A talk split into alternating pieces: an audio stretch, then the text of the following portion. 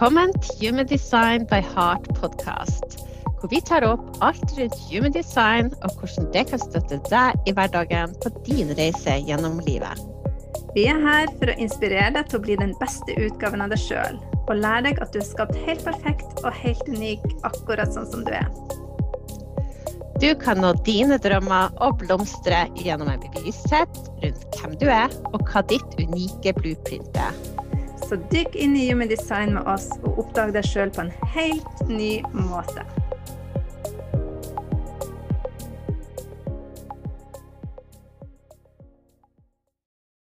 Velkommen tilbake til Human Design by Heart podcast. Jeg heter Hege, og ved siden av meg her så har jeg hos Susann. Og vi er tilbake her igjen for å snakke videre om de ni sentrene. Så hvis du ikke fikk med deg forrige episode, så anbefaler vi at dere hører på den først. Sånn at dere lærer litt om introen til sentra og de første fire sentrene. Så dette er en fortsettelse av episode én når det gjelder de ni sentrene på Human Design. Og eh, Susann, vi skal vel kanskje bare gå rett på. Vi hadde jo en eh, lang sending sist. Um, så eh, da er det hjertesenteret vi har kommet til nå, der viljestyrke og selvverd sitt. Susann, har du lyst til å begynne å si noe om det? Ja, jeg kan jo først si hvor det ligger henne i, i kartet. og det er hvis du ser um, litt over sakralsenteret, som den røde firkanten nest nederst, så ligger det litt på skrå opp en sånn liten rød trekant. Det er hjertesenteret. Og i hjertesenteret så finner vi viljestyrke, det handler om selvvert. Eh, det handler ofte Eller vi kan også si egosenteret, uten at ego er noe negativt ladda ord i Human Design. Alt bare er. Eh, og når du har et definert hjertesenter, du skal få si litt om det etterpå, Hege, men eh, da handler det rett og slett om å kjenne drømmene sine når man skal inn i noe, at man har hjertet i det er eh, en fin eh, måte å tenke på det på. Og så handler det også om viljestyrke. Når man har definert hjertesenter, så har man nesten Man kan si at man har viljestyrke som kan flytte fjell. Jeg vet ikke om du kjenner deg igjen i det? Det gjør jeg. og den viljestyrken kan jeg jo kjenne på mange måter. Men uh, jeg kan kjenne det som hvis jeg ja, kanskje er sliten og burde slutte slutta eller satt med ned og hvile og sånn, så har jeg en sånn Da kan jeg slå på den viljestyrken, og så kan jeg bare få få meg til å gjøre ting som går langt over energien min. Så den er, den er egentlig veldig sterk, i perioder spesielt. Så det, det har vært veldig sånn der gå på uh, oppgaver og uh, til jeg liksom får det til. Jeg husker mamma, mamma brukte å si 'du er så sta', men det var egentlig viljestyrken min som hadde skrudd på når jeg ikke fikk til. Så gikk jeg liksom på til, til jeg mestra det. Så ja, det kan jeg kjenne igjen. Mm. Uh, og det jeg vil bare si i forhold til meg som har et definert, der, der skiller jo vi også på definert og udefinert hjerte. Um, det å kjenne drømmene sine, men også det her med å ha viktigheten av å ha kontroll over ressursene sine. Og der har du snakka veldig mye om hvor viktig det egentlig er for meg. Um, ja, sånn at det, det sitter også i, eh, i hjertesenteret, eller egosenteret, da. Så eh, absolutt, uh, absolutt gjenkjennbart for min del. Mm. Og så har jeg bare lyst til å si det i forhold til det du sier om viljestyrken som du kan slå på og bruke over en periode. Og det kan du gjøre, og det er fint å gjøre det. Men så er det det med å vite at den viljestyrken han trenger hvile. Så du, man kan ikke gå til evig på viljestyrke. Uh, for da kan man også uh, Vi snakka litt om det med å, å uh, slite seg ut eller brenne seg ut. Selv om man har definert sakral og har tilgang til energi, så kan definert hjerte også gjøre at man går over, eh, over grensen for hva, som, eh, hva man har energi til. Eh, og så er det også det med å lage løfter. det er veldig sunt for deg å lage avtaler og løfter så lenge du kan holde dem. og det er jo noe også vi har snakka masse om, det med å se på hvilke forpliktelser man har. Om det er noen forpliktelser man føler at man ikke kan innfri, så er det på en måte Eh, fint å avslutte de, og aller helst er det det beste å bruke mageresponsen. Ikke gå inn i de forpliktelsene man ikke kan eh, holde. Eh, ja. Ja, det har vi, vi prata en del om, fordi jeg sliter med å gå ut av ting jeg har starta, hvis jeg har eh, først sagt ja til noe. Og det er derfor det har vært så viktig å bli kjent med human design og skjønne hvordan det fungerer og hvorfor. Fordi at eh, den energien Altså jeg har jo en sakral energi. Når den er påskrudd, så er det jo, tiltrekker du deg jo muligheter. Og så sier du kanskje ja hvis ikke du er bevisst til mye.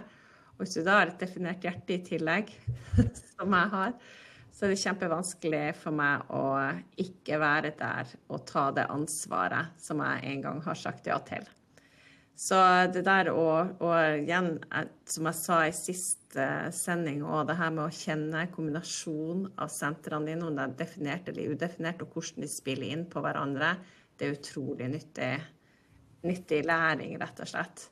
Mm. Så um, Men du, Susann, du har jo et udefinert egosenter eller hjertesenter. Kan ikke du forklare litt grann hvordan det er for deg? Ja, eh, det er jo ganske motsatt av hvordan det er for deg. Eh, og det handler også veldig mye om det å ikke kjenne sin egen verdi. Eh, og ja, på en måte ikke klare helt å se verdien i seg sjøl og hva man gjør Det kan være en sånn skyggeside av det udefinerte hjertet.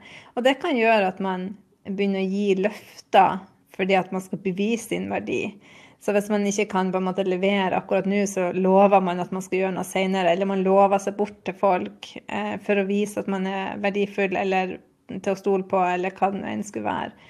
Eh, så for udefinert hjerte så handler det om, rett og slett om å ikke gi løfter. Og det er noe jeg kan kjenne meg veldig godt igjen i fra tidligere. At jeg har eh, ut ifra en bevissthet og en følelse av at jeg ikke var god nok i det øyeblikket, så har jeg lovt at jeg skulle gjøre noe eh, fremover i, i tid en eller annen gang, og så har jeg ikke hatt energi til å gjennomføre det. Så det med å gi løfter, det har jeg egentlig Jeg nesten slutta helt med det. Eh, og, og, det husker jeg vi diskuterte. Husker det når vi skulle lansere denne podkasten. så hadde du lyst til å, og før vi var ferdige og klare til å begynne, så hadde du lyst til å publisere det ut. Og nå begynner lov, altså gi et løfte, nå kommer det en podkast. Jeg fikk helt hetta. Nei, nei, nei, nei, du må ikke si det. så da kom den forskjellen veldig tydelig frem på vårt eh, definerte og udefinerte hjerte. Og det kan jo komme frem også f.eks. når man skal Sånn som vi som eh, har produkter i nettbutikken vår, og når vi skal sette priser, så kan jeg eh, så kan jeg være den som vil trekke ned prisene, mens du er den som mer kan se verdien i det og, og verdsette det som er vårt, og kan på en måte Så vi balanserer kanskje hverandre veldig godt der, eh, med det definerte og udefinerte. Mm. Og det er veldig gøy når vi blir bevisst på det. For det, fordi, som du sier, der, det, det, er ganske sånn stor forskjell. Um, og den der å, å, gå og føle kanskje på um, Akkurat som jeg føler på, at, uh, på et udefinert rot, at jeg aldri liksom får aldri blir ferdig selv om jeg blir ferdig. Så et udefinert hjerte føler at jeg er god nok selv om du er god nok, eller mer enn god nok, eller mer enn god nok. Der igjen så vil det alltid være en følelse, en liten snev av følelse. Er det ikke litt sånn, Susann? Jo, det er det. Og hvis man ikke er bevisst på det og, og eh, jobber litt igjennom det her og, og, på en måte skrive om hva som er verdifullt, det er noe som jeg har jobba masse med i denne nysenterreisen min. Det å, å kjenne og på en måte lage mitt eget verdimanifest, nesten, der jeg omskriver hva er det å være verdifull. Eh, så det er ja, det er ikke sånn at man alltid er i den skyggesida, men det er veldig lett å komme dit. Og det kan eh, gi veldig stor påvirkning på resten av sentrene dine, og hvordan du eh, Hjertesenteret er på en måte den, den, følelsen av å være god nok er veldig sterk hos veldig mange. Eller å ikke være det. Eh, mm. Så ja, det er et viktig tema. Men spørsmålet du kan bruke for å eh, navigere litt etter, det er rett og slett prøve å bevise min verdi. Eh, bruk det i de ulike situasjonene du dukker opp i når du skal, hvis du prøver å gi et løfte, eller du eh, gjør et eller annet, tar, lover noe eller tar, sier ja til noe som du egentlig ikke eh, kanskje resonnerer med deg, så bruk det spørsmålet. Prøv å bevise min verdi. Mm. Og så har vi G-senteret. som er, handler om identitet, kjærlighet og retning. Eh, og når du har definert eh, G-senter, så vet du hvem du er. Og når jeg sier det til noen som har definert, så er det noen som sier eh, nei, men jeg føler ikke at jeg vet hvem jeg er. og da er det et veldig godt tips å bruke litt tid på å eh, på en måte finne ut av det. Bli kjent med deg sjøl. Dykk litt ned i hvem er du. Og det er ikke sånn at du trenger å vite eh, hvem du er nå og ti år fremover i tid, for det kan endre seg. Eh, men det med å finne ut hva er mine verdier, hva er det jeg eh, står for, hva er det jeg vil, eh, kan være fint å bruke tid på å rett og slett tenke gjennom når man har definert G-senter. Eh, for at du er en som er her for å lede an retninga for andre. Eh, for å på en måte være en guide. Eh, gå foran, og andre vil se eh, på ditt eksempel. Det er jo ingen av oss som har definert G-senter, så vi er jo sånn her udefinerte med flytende identitet, altså. Så går litt? Ja, så går litt i én retning, og så snur vi og går i en annen retning, og låner litt identiteter her og der. og jeg vet ikke hvordan du opplever det, Hege? Ja, jeg opplever jo også det at jeg hele tida Og det som er fordelen med det, er at du er åpen for innspill. og det, det, tar deg jo på nye veier. Det tar deg um, Ja, det tar deg i ulike retninger. Men det kan også være sånn evig jakt på den riktige retninga. Så det der med å lande i at det er riktig å være litt sånn Nå er vi her, og det er ikke sikkert at det er riktig for meg om en tid tilbake, og da er det kanskje rett å, å være et annet sted, liksom. Uh, så jeg kjenner meg veldig igjen i det. Mm. Ja, så det er nesten som at man blir sånn kameleon når man har åpent G-senter, for man senser andre så på et sånn dypt plan at man på en måte man forstår forskjellige miljøer, man forstår forskjellige folk. Jeg vet ikke hvordan det er med deg, men meg i hvert fall når jeg er i et selskap, så jeg går liksom gjengs med alle. Det spiller ingen rolle hvordan og hva og hvem. Det, det føles naturlig å være i nær, nærvær av stort sett alle typer mennesker. Og jeg kan forstå eh, Jeg har et godt eksempel nå at jeg eh, begynte på yoga så var på en måte det første gang jeg kom inn i yogaverden, på en måte, så, eh, så hadde jeg aldri vært i den settingen før. Sånn, men det bare føltes helt naturlig å gli inn der, og jeg forsto, eh, liksom, hva skal jeg si, atmosfæren, eller eh, sensa det som eh, Å kunne forstå eh, samtalen som foregikk. Så det er, litt, det er, litt, med det å kan være flytende og bare blende inn eh, i alle mulige settinger. Mm. Jeg pleier å si det Jeg vet jeg ofte har sagt det når folk driver og det er bordplasseringer eller et eller annet, så vet jeg bestandig pleier å si bare sett meg med hvem som helst, så kan prate med alle. For jeg vet uansett hvem jeg dumper ned ved siden av, så, så finner jeg noe felles eller et eller annet og leder an samtalen og så blir det interessant. Så, det, så det kjenner jeg, det, man blir en omgjengelig person. Eh, og det der med å sette Jeg vet det der med å bytte litt det der kameleon bytter nesten identitet ettersom hvordan omgivelsene dine er. Og har jeg merka Jeg husker at når jeg var student og hadde barn, så var jeg liksom Når jeg var, når jeg var på studiene og på høyskolen, så var jeg bare student. Da var jeg liksom helt inn i den rollen. Jeg satte meg i bilen, da ble jeg mor, og så dro jeg inn i den. Altså, akkurat som du følte at jeg gikk inn og ut av ulike verdener, som, hvor jeg bare skilte, hvor jeg bare blenda inn der, og så ble jeg mamma der. Så jeg hadde liksom den flytende retningen. Jeg husker liksom halvt år, og så sier de på studiet 'hæ, har du unger?' Og da har jeg glemt å snakke om det, men det er for at da var vi på studiet. Så det er liksom der om å bare ja, kunne skifte fort retning og eh, ja, og omgivelsene, det tror jeg har litt med det åpne G-senteret å gjøre. Mm.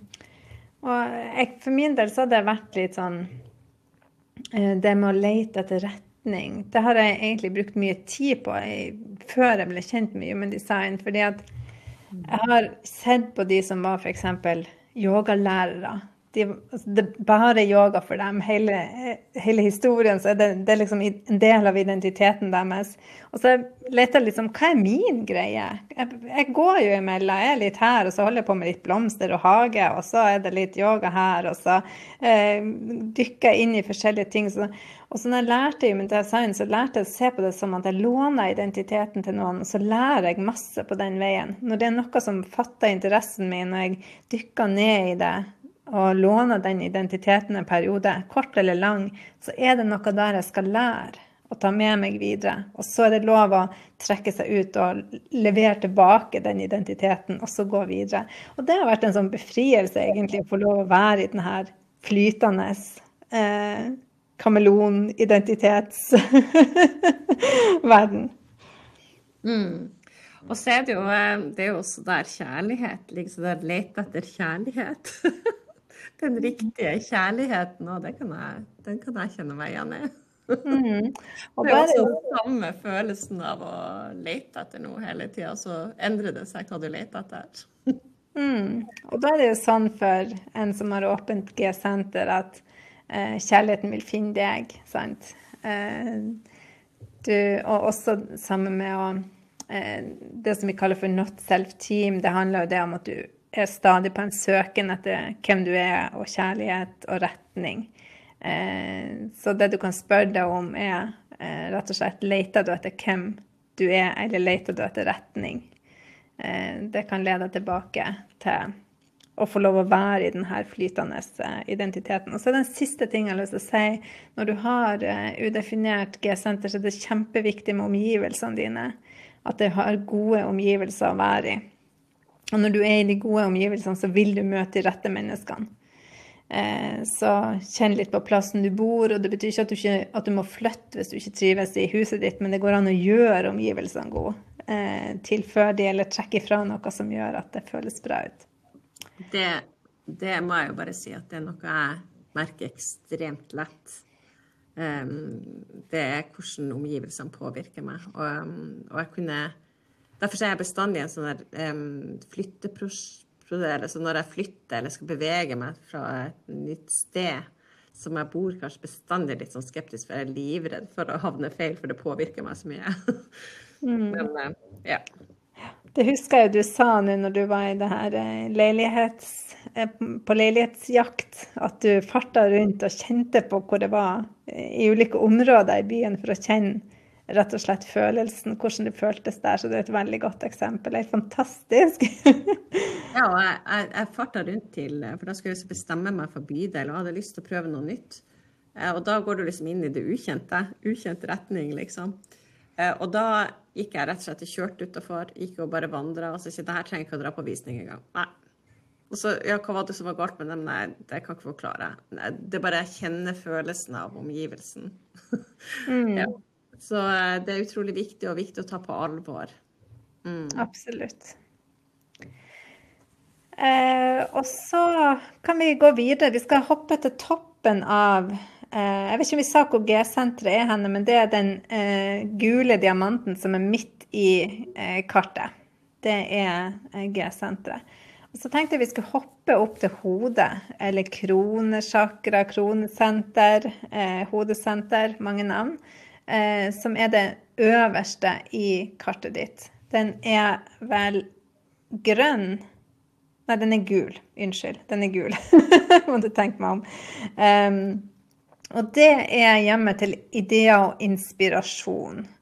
Og når du har definert hodet, så produserer du ideer og inspirasjon. Du sender det ut til verden. Og de ideene de kommer på en måte innenfra. De er basert på dine tidligere erfaringer, livserfaringer og opplevelser.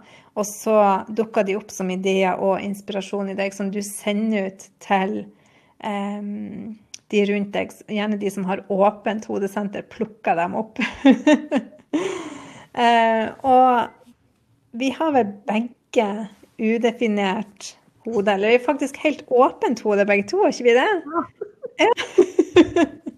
vi er som en svamp på andre sine ideer. ja. Eller omgivelsene, alt det som ligger jeg tror utafor det andre sender ut også. Det er, jo, det er også et senter hvor du tar inn litt det spirituelle og det som eh, kanskje ditt høyere selv eh, snakker til òg. Så um, det er jo også et pressenter som Rotsenteret. Eh, og jeg kjenner det jo veldig godt som har både eh, åpent eh, hodesenter eller kronesenter og udefinert rotsenter. Mm. Det blir på en måte en sånn sandwich av kroppslig adrenalinpress nedenifra og mental, mentalt press ovenifra som kan skape veldig mye press til å ta action som ikke er rett for deg, rett og slett.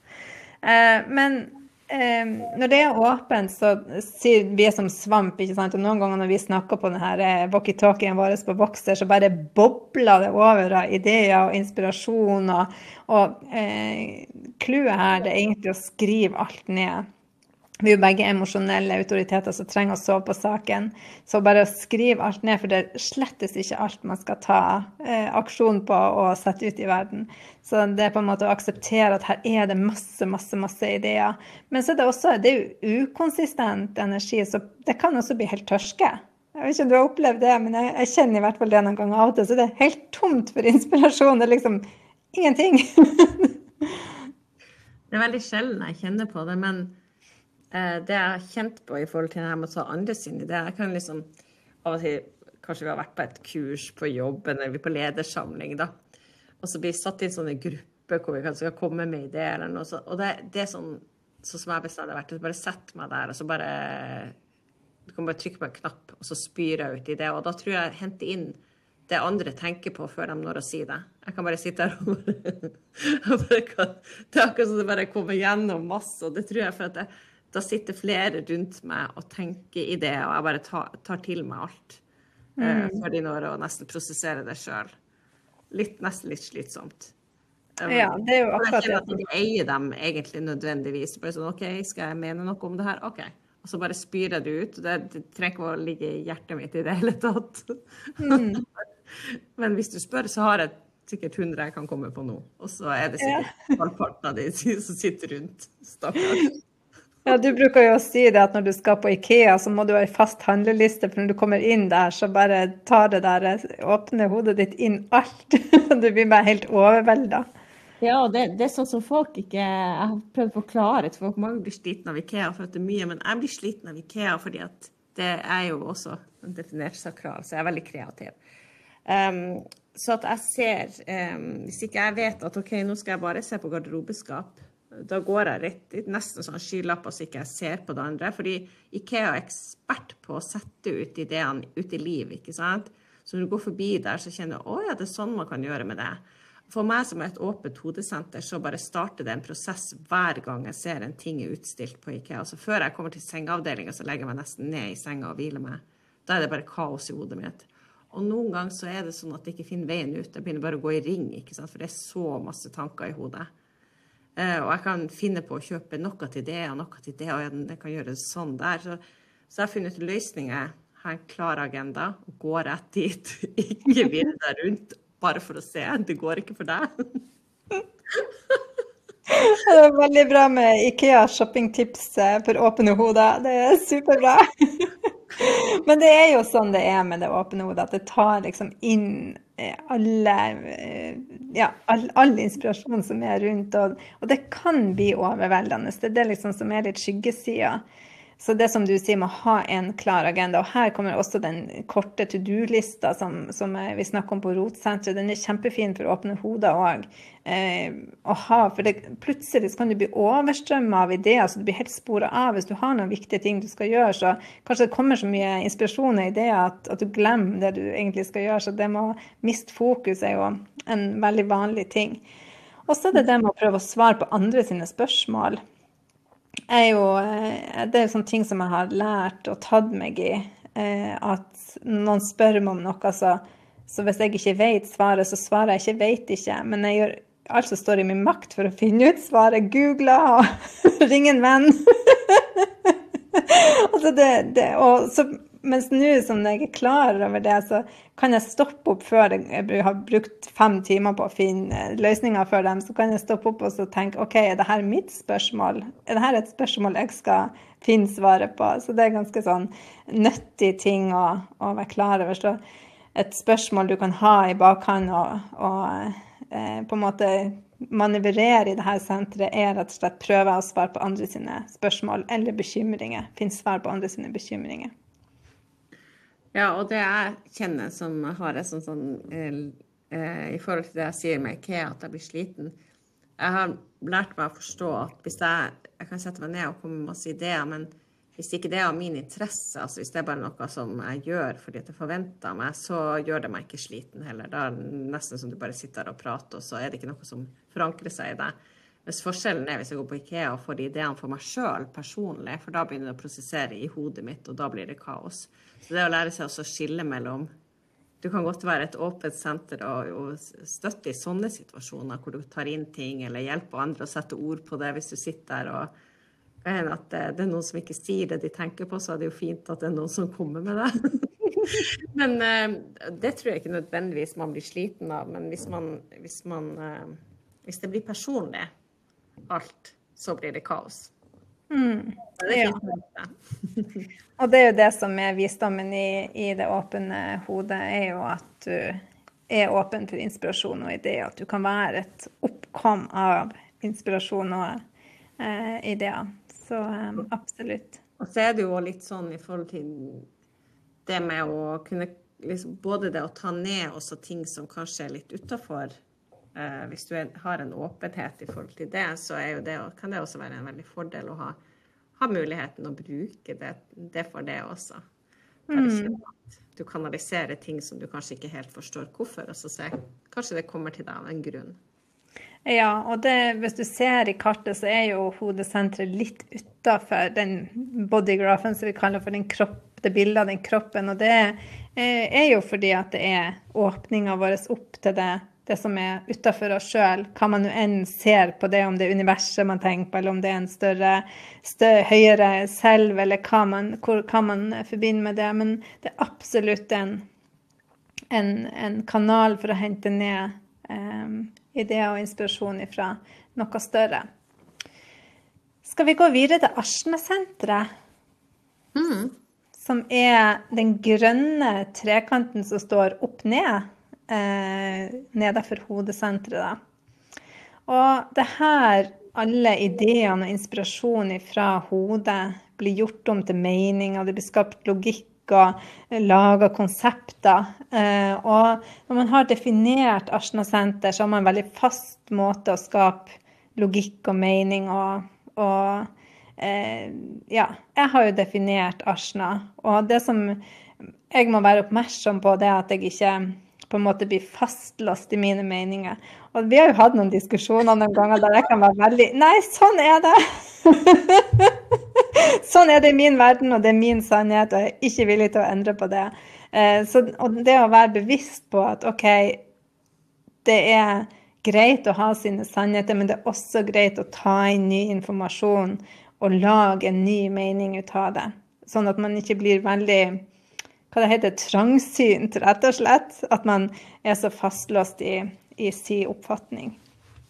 Ja, og der er jo vi forskjellige, for jeg har et et udefinert Asna-senter, og du har et definert. Og det er veldig morsomt. Fordi at jeg kan Når du Du er jo ikke sånn på alt, men på det som noe som virkelig betyr noe for deg, så blir du veldig fastlåst i meninga og er sånn kjempesterkt. Og for meg som har et åpent Asna-senter, så blir det litt sånn Oi, du verden. Eh, OK. Og så hører jeg det at noen andre er veldig bastant i det, og så kjenner jeg at eh, det har ikke jeg ennå. Jeg har egentlig ikke tenkt over det her ennå, men tja. Eh, det her var veldig voldsomt, ikke sant? For det blir så voldsomt når noen Og så kjenner jeg det at det er liksom en um, Ja, for jeg er jo da litt, litt sånn som kan skifte mening og retning. Altså jeg kan på en måte Jeg kan eh, Jeg trenger ikke å mene noe om alt, kjenner jeg. Altså hvis noe, så, så Noen ganger så har du spurt meg, ja, men, og så ser jeg at det er veldig sterkt i deg, og da må jeg ta stilling til det. Men i utgangspunktet så, så syns jeg liksom alt er greit.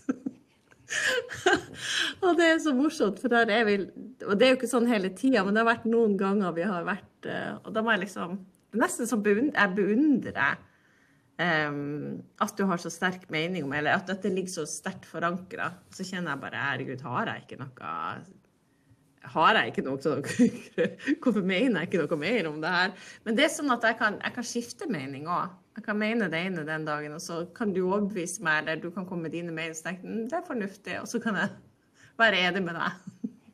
Så lar meg hele tiden overbevise om noe. Det kan jo være litt sånn virrende. Mm. Ja, og det er, veldig, eh, det er veldig fint å samarbeide med noen som er så open-minded. Jeg lærer jo masse ut av det.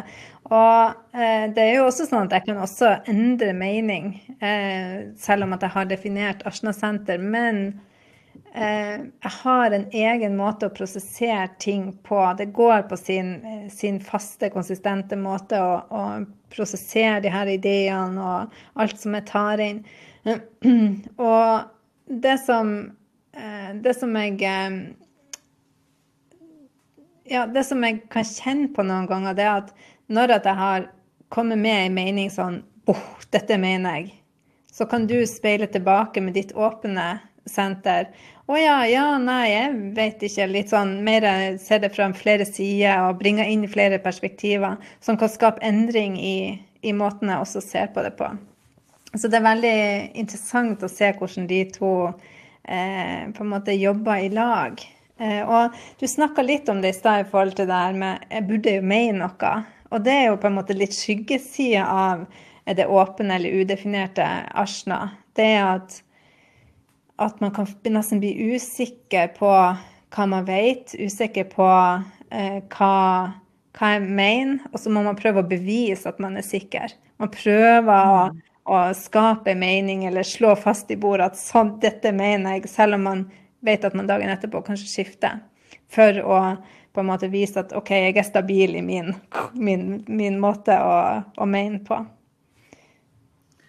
Ja, og jeg vet at eh, jeg husker en, en, spesiell sak hvor du hadde en sånn sterk mening, hvor jeg var liksom Jeg kjente at det klarer jeg ikke å mene så mye om. Det var liksom Jeg prøvde å tenke, og så, og så blir jeg nesten sånn beundrings...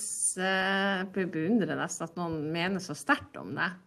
Uh, og så går det en tid, og så er jeg i det i en sånn prosess. Det er ikke noe jeg har tenkt over. Og så kjenner jeg etterpå ja, nå forstår jeg veldig godt hva du mente. Nå er jeg helt enig. Men da må jeg liksom på en måte gå litt inn i det. Uh, mens du har en klar tanke om det i utgangspunktet. Uh, og det kan syns jeg forklarer det litt. For det er ikke det at du ikke Jeg har jo veldig mange sterke meninger om mange ting. Men jeg tror ikke de var der i utgangspunktet. De kom underveis i en prosess. Hvor liksom, du er litt sånn for imot, så lander du litt på Og det, du lander kanskje litt på det ut fra dine verdier. Hva som stemmer med deg. Mens du har liksom den, den kraften i den meninga i seg sjøl, hvis, hvis, det var forklart mm. liksom, eller sånn tydelig nok. Um, ja. Så uh, open-minded, ja. Kanskje gode diplomater, de som har åpent Arsenal-senter. ja, og evnen til å se en sak fra veldig mange sider.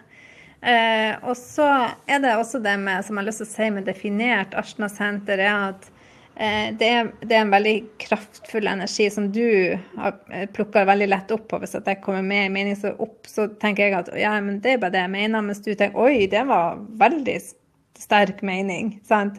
Eh, men det som er viktig å vite, at det er ikke det er ikke autoriteten din. For det kan være veldig sånn vanskelig på en måte, Ikke veldig vanskelig, men det kan være vanskelig å skille de noen ganger. For at det kjennes eh, hodet vil så gjerne skape mening og finne logikk og finne fornuft og finne svarene. Eh, sånn at man kan falle for å ta avgjørelsene med det her eh, hodesentrene og Asna-senteret.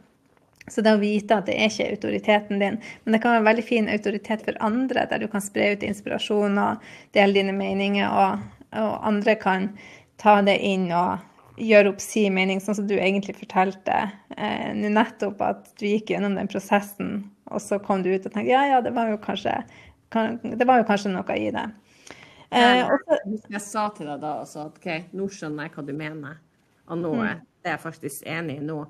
Men, men, når du kommer bare med den der kjempekraftfulle meninga først, så blir det litt sånn Oi, du verden, det her var voldsomt, tenker jeg da. Når jeg var litt tilbake, så tenker jeg ja, si det, hva mener jeg om det? det var, jeg mener i hvert fall ikke så, så sterkt om noe. så da liksom være i den prosessen, så tenker jeg bare OK, nå skjønner jeg litt mer hva, hva, som var bak den kraften da, liksom. At jo mm.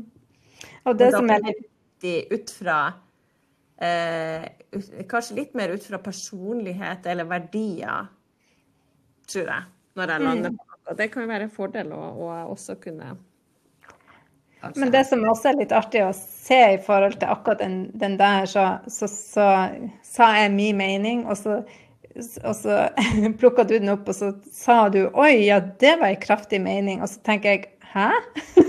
og det er litt med at du med åpent arsenal tar inn min, min energi og min mening og forsterker den. Så for meg så var ikke det noe kraftfullt i det hele tatt. Det er liksom ja, putt, putt, det er det jeg mener. Og så plukker du det opp og forsterker det på en måte og kan eh, se det fra flere sider.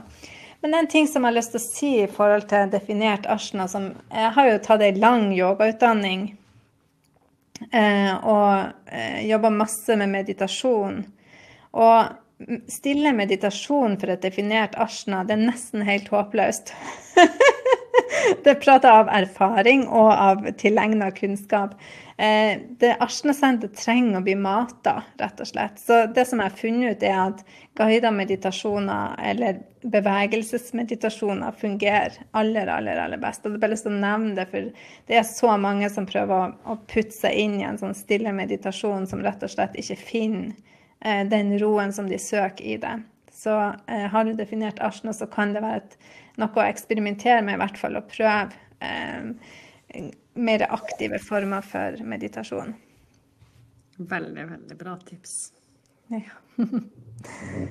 Skal vi da eh, bevege oss over til siste senter, som er halsen. Og eh, jeg har bare lyst til å si grunnen til at halsen kommer sist, det er fordi at all energien i hele kartet vårt prøver å nå frem til halsen og bli uttrykt. Så når vi starter nederst, og rot og alle de sentrene prøver å presse opp og komme ut gjennom halsen. Og så gikk vi opp til hodet, eh, som går gjennom Arsna-senteret, og som også vil ut gjennom halsen og bli manifestert. Så det er, eh, det er en slags eh, fornuftig progresjon i denne reisa vi har gjort. Og halsen, det er jo kommunikasjon og manifestering. Eh, og her er vi også forskjellige. Jeg har definert hals, og du har udefinert hals. Mm. Så jeg kan jo kanskje bare starte litt med å fortelle litt om, om definert eh, hals. Og da har man på en måte en fast måte å uttrykke seg på. Jeg har min stemme, jeg har, min, jeg har ordene mine når jeg trenger de, og eh, jeg har min faste måte på å Hva skal jeg si Det handler jo ikke bare om å snakke, men også om å manifestere og skape action og få ting ut i verden. Eh, så jeg har min konsistente måte å, eh, å gå frem på, da. Så kanskje du kan si litt om eh, det udefinerte halssenteret? Ja. Um, det udefinerte er jo litt mer sånn at du senser litt. Det kan, kan, være at du senser hva som bør bli sagt, og til hvem. Uh, og at du, um, hvis du i ubalanse, prater veldig mye. F.eks. at du får sånn overload av uh, snakke for mye, ta for mye oppmerksomhet i et steg. Sant? At du, når du ikke, I mangel på at du ikke vet helt hva du skal si, så, så, sier du veldig mye. Uh, og det um, Før jeg ble egentlig kjent med human design, så var jeg i en sånn bevissthet hvor jeg i ettertid tenkte at Hvor jeg prata mye, og så tenkte jeg at uh, Hvor snakker jeg så mye der? Ikke sant? Akkurat som halsen bare renner litt over når du ikke når, den er så ukonsistent. Uh, og så ble jeg bevisst på det at det bare len deg tilbake, du må ikke si noe. Du forventer akkurat som du må si noen ting når du ikke trenger å si noen ting. Eh, og det har vært en sånn læring for meg å være den som kan være stille og ikke si noen ting også. Eh, til at du kan slite med å finne ord på det du skal si. Så når jeg var unge, så slet jeg jo med det. Jeg sa ingenting. det er nesten ingen som tror det, men jeg var så sjenert at jeg torde ikke å prate. Det var, det var sånn tilbakevendende hele barneskolen. Um, det å tørre å si sin mening. Å uttrykke det du vil. Og jeg kan huske at det til og med var sånn at jeg var hos tanta mi, og vi hadde fått sånn saft og kake og skulle servere og spurte om jeg ville ha. Jeg bare satt og rista på hodet. Jeg torde ikke å si ja, jeg vil ha, og ta ordet og si hva jeg ønska. Altså, jeg var liksom bare så, så mangel på ord. Eh, så til å være en som kanskje prater mye, til å tro noe jeg har funnet balanse Jeg tror enda mange, mange syns jeg prater mye da. Men det er liksom litt den der ikke helt kontroll på det, kanskje. Du må liksom hele tida være bevisst på det. Um, I hvert fall sånn som jeg opplever det. Uh, og, men så er det igjen en sånn styrke det å kunne sense hva som skal sies, og, og til hvem at du senser litt omgivelsene også. Hmm. Ja, det er jo sånn eh, litt sånn sammenligning eh, hvis at man har en udefinert hals, og så skal ha et foredrag og man skal opp på ei scene med masse folk i salen, så har man kanskje forberedt og har fire av fire ark med notater som man har tenkt å skal si. Men så kommer man på den scenen, og så sier man noe helt annet, for man plukker opp hva salen trenger. på en måte. Man sier de ordene som må sies til de rette folkene. Det er jo gaven til den åpne halsen. Det er ganske sånn mm. fascinerende. Eh, og så er det også det med du som, det du sier Eh, Nå snakka du litt om når du var unge, og det er jo veldig sånn Kanskje yttersida av skyggesida av halssenteret og ikke finne ordene sine. Mens eh, det å bli også komfortabel med at man ikke alltid finner ordene, kan være veldig sånn greit. Å være komfortabel med at noen ganger så er man bare stille. Eh, og at ha tillit til at de rette ordene kommer når det er tid for det. ja, det kan kanskje være en sånn Og jeg kjenner jo at eh, Og det der, der du sier med å Og det var jo det å snakke i forsamling og før var jo vanskelig. Nå elsker jeg det. Men jeg kan også Det jeg fungerer best med det å ha lite manus og bare plukke opp alt fra stemning og alt, og bare, som du sier, liksom ta det som ut fra de publikummet som sitter i salen. Og det har jeg jo lært meg å sette pris på når du blir trygg i det, at det er en, det er en gave, rett og slett. Å kunne ha da, Når jeg kanskje var noe med å oppdage det, så ble jeg mye tryggere i det å snakke, og så ble det liksom ble det liksom helt OK, på en måte. Mm. Ja, og eh, det som også kan nevne i forhold til det å ha definert hals, så kan man også man har på en måte den ledende energien i en samtale. Eh, så det å passe på at man ikke snakker hele tida og gir plass og rom til andre å uttrykke seg. Eh, og så er det en ting med udefinert hals også, det å, å vente faktisk på invitasjon før man eh, uttrykker seg. Og det er jo ikke alltid sånn at man må sitte og vente til man er invitert inn i samtalen. Men jeg vet ikke om du har opplevd det noen gang at du har tatt initiativ og sagt noe og ikke følt at du ble hørt? Mange ganger. Mm. Mm. Og det der å vente på invitasjon til å si noe fordi at du Jeg kan kjenne at det akkurat som det brenner inni deg, at du bare skal, vil få det ut. Det du, det du plukker opp, ikke sant? Mm. Akkurat som ikke jeg eh, Og det, det kan jo sikkert være òg at du plukker opp noe gjennom andre eller de rundt deg, ikke sant, som du ikke eier og bare vil ha ut ut gjennom mm. stemmen. Mm. Ja, og når man har den her ukonsistente energien gjennom halsen som, eh, som ikke alltid finner ordene, og som eh, ja, eh, kanskje har litt forskjellige stemmer, så kan det være sånn not self-team at man prøver å tiltrekke seg oppmerksomhet. At man er på en måte redd for at man ikke skal bli hørt, at stemmen ikke skal bli hørt. Så det kan være et spørsmål man kan stille seg når man eh, uttrykker seg om at er det noe som jeg trenger å si? Er det noe som strategien min som du har respondert på at du trenger å si? Eller du, er det rett og slett halsen som er redd for å ikke få oppmerksomhet, og som prøver å tiltrekke seg øynene til andre? Så er det det med å eh, Altså litt også det med manifesteringen fra halsen. Det sa vi kanskje ikke noe om, Susann? Nei, og det handler jo om det å, å ta action, det å få energien ut fra de andre sentrene, ut gjennom halsen og ut i, i aksjon. I det å, eh, å, manifestere det forbinder jo gjerne med manifestors. Eh, men det å få eh, Ja, få på en måte eh, energien fra de andre sentrene ut til handling eh, er rett og slett også det som skjer i halssenteret. Mm.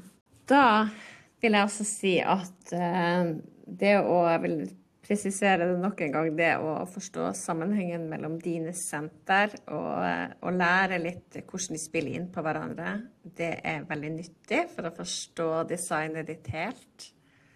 Og um, vi, har, vi, har, jo lagt ut litt om senter, og vi legger ut enda mer på Instagram, så følg oss gjerne på Instagram-kontoen.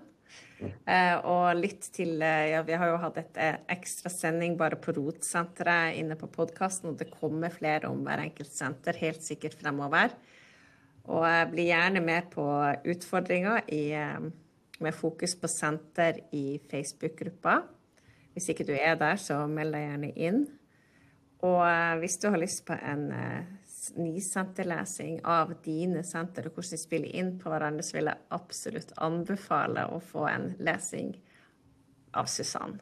Du er bare kjempeflink på å se sammenhengene og, og kunne sette det i sammenheng også med energitype autoritet. Tusen takk, Hege. Da tror jeg at vi runder av der og eh, takker for laget denne gangen og eh, gleder oss til at vi høres i neste uke.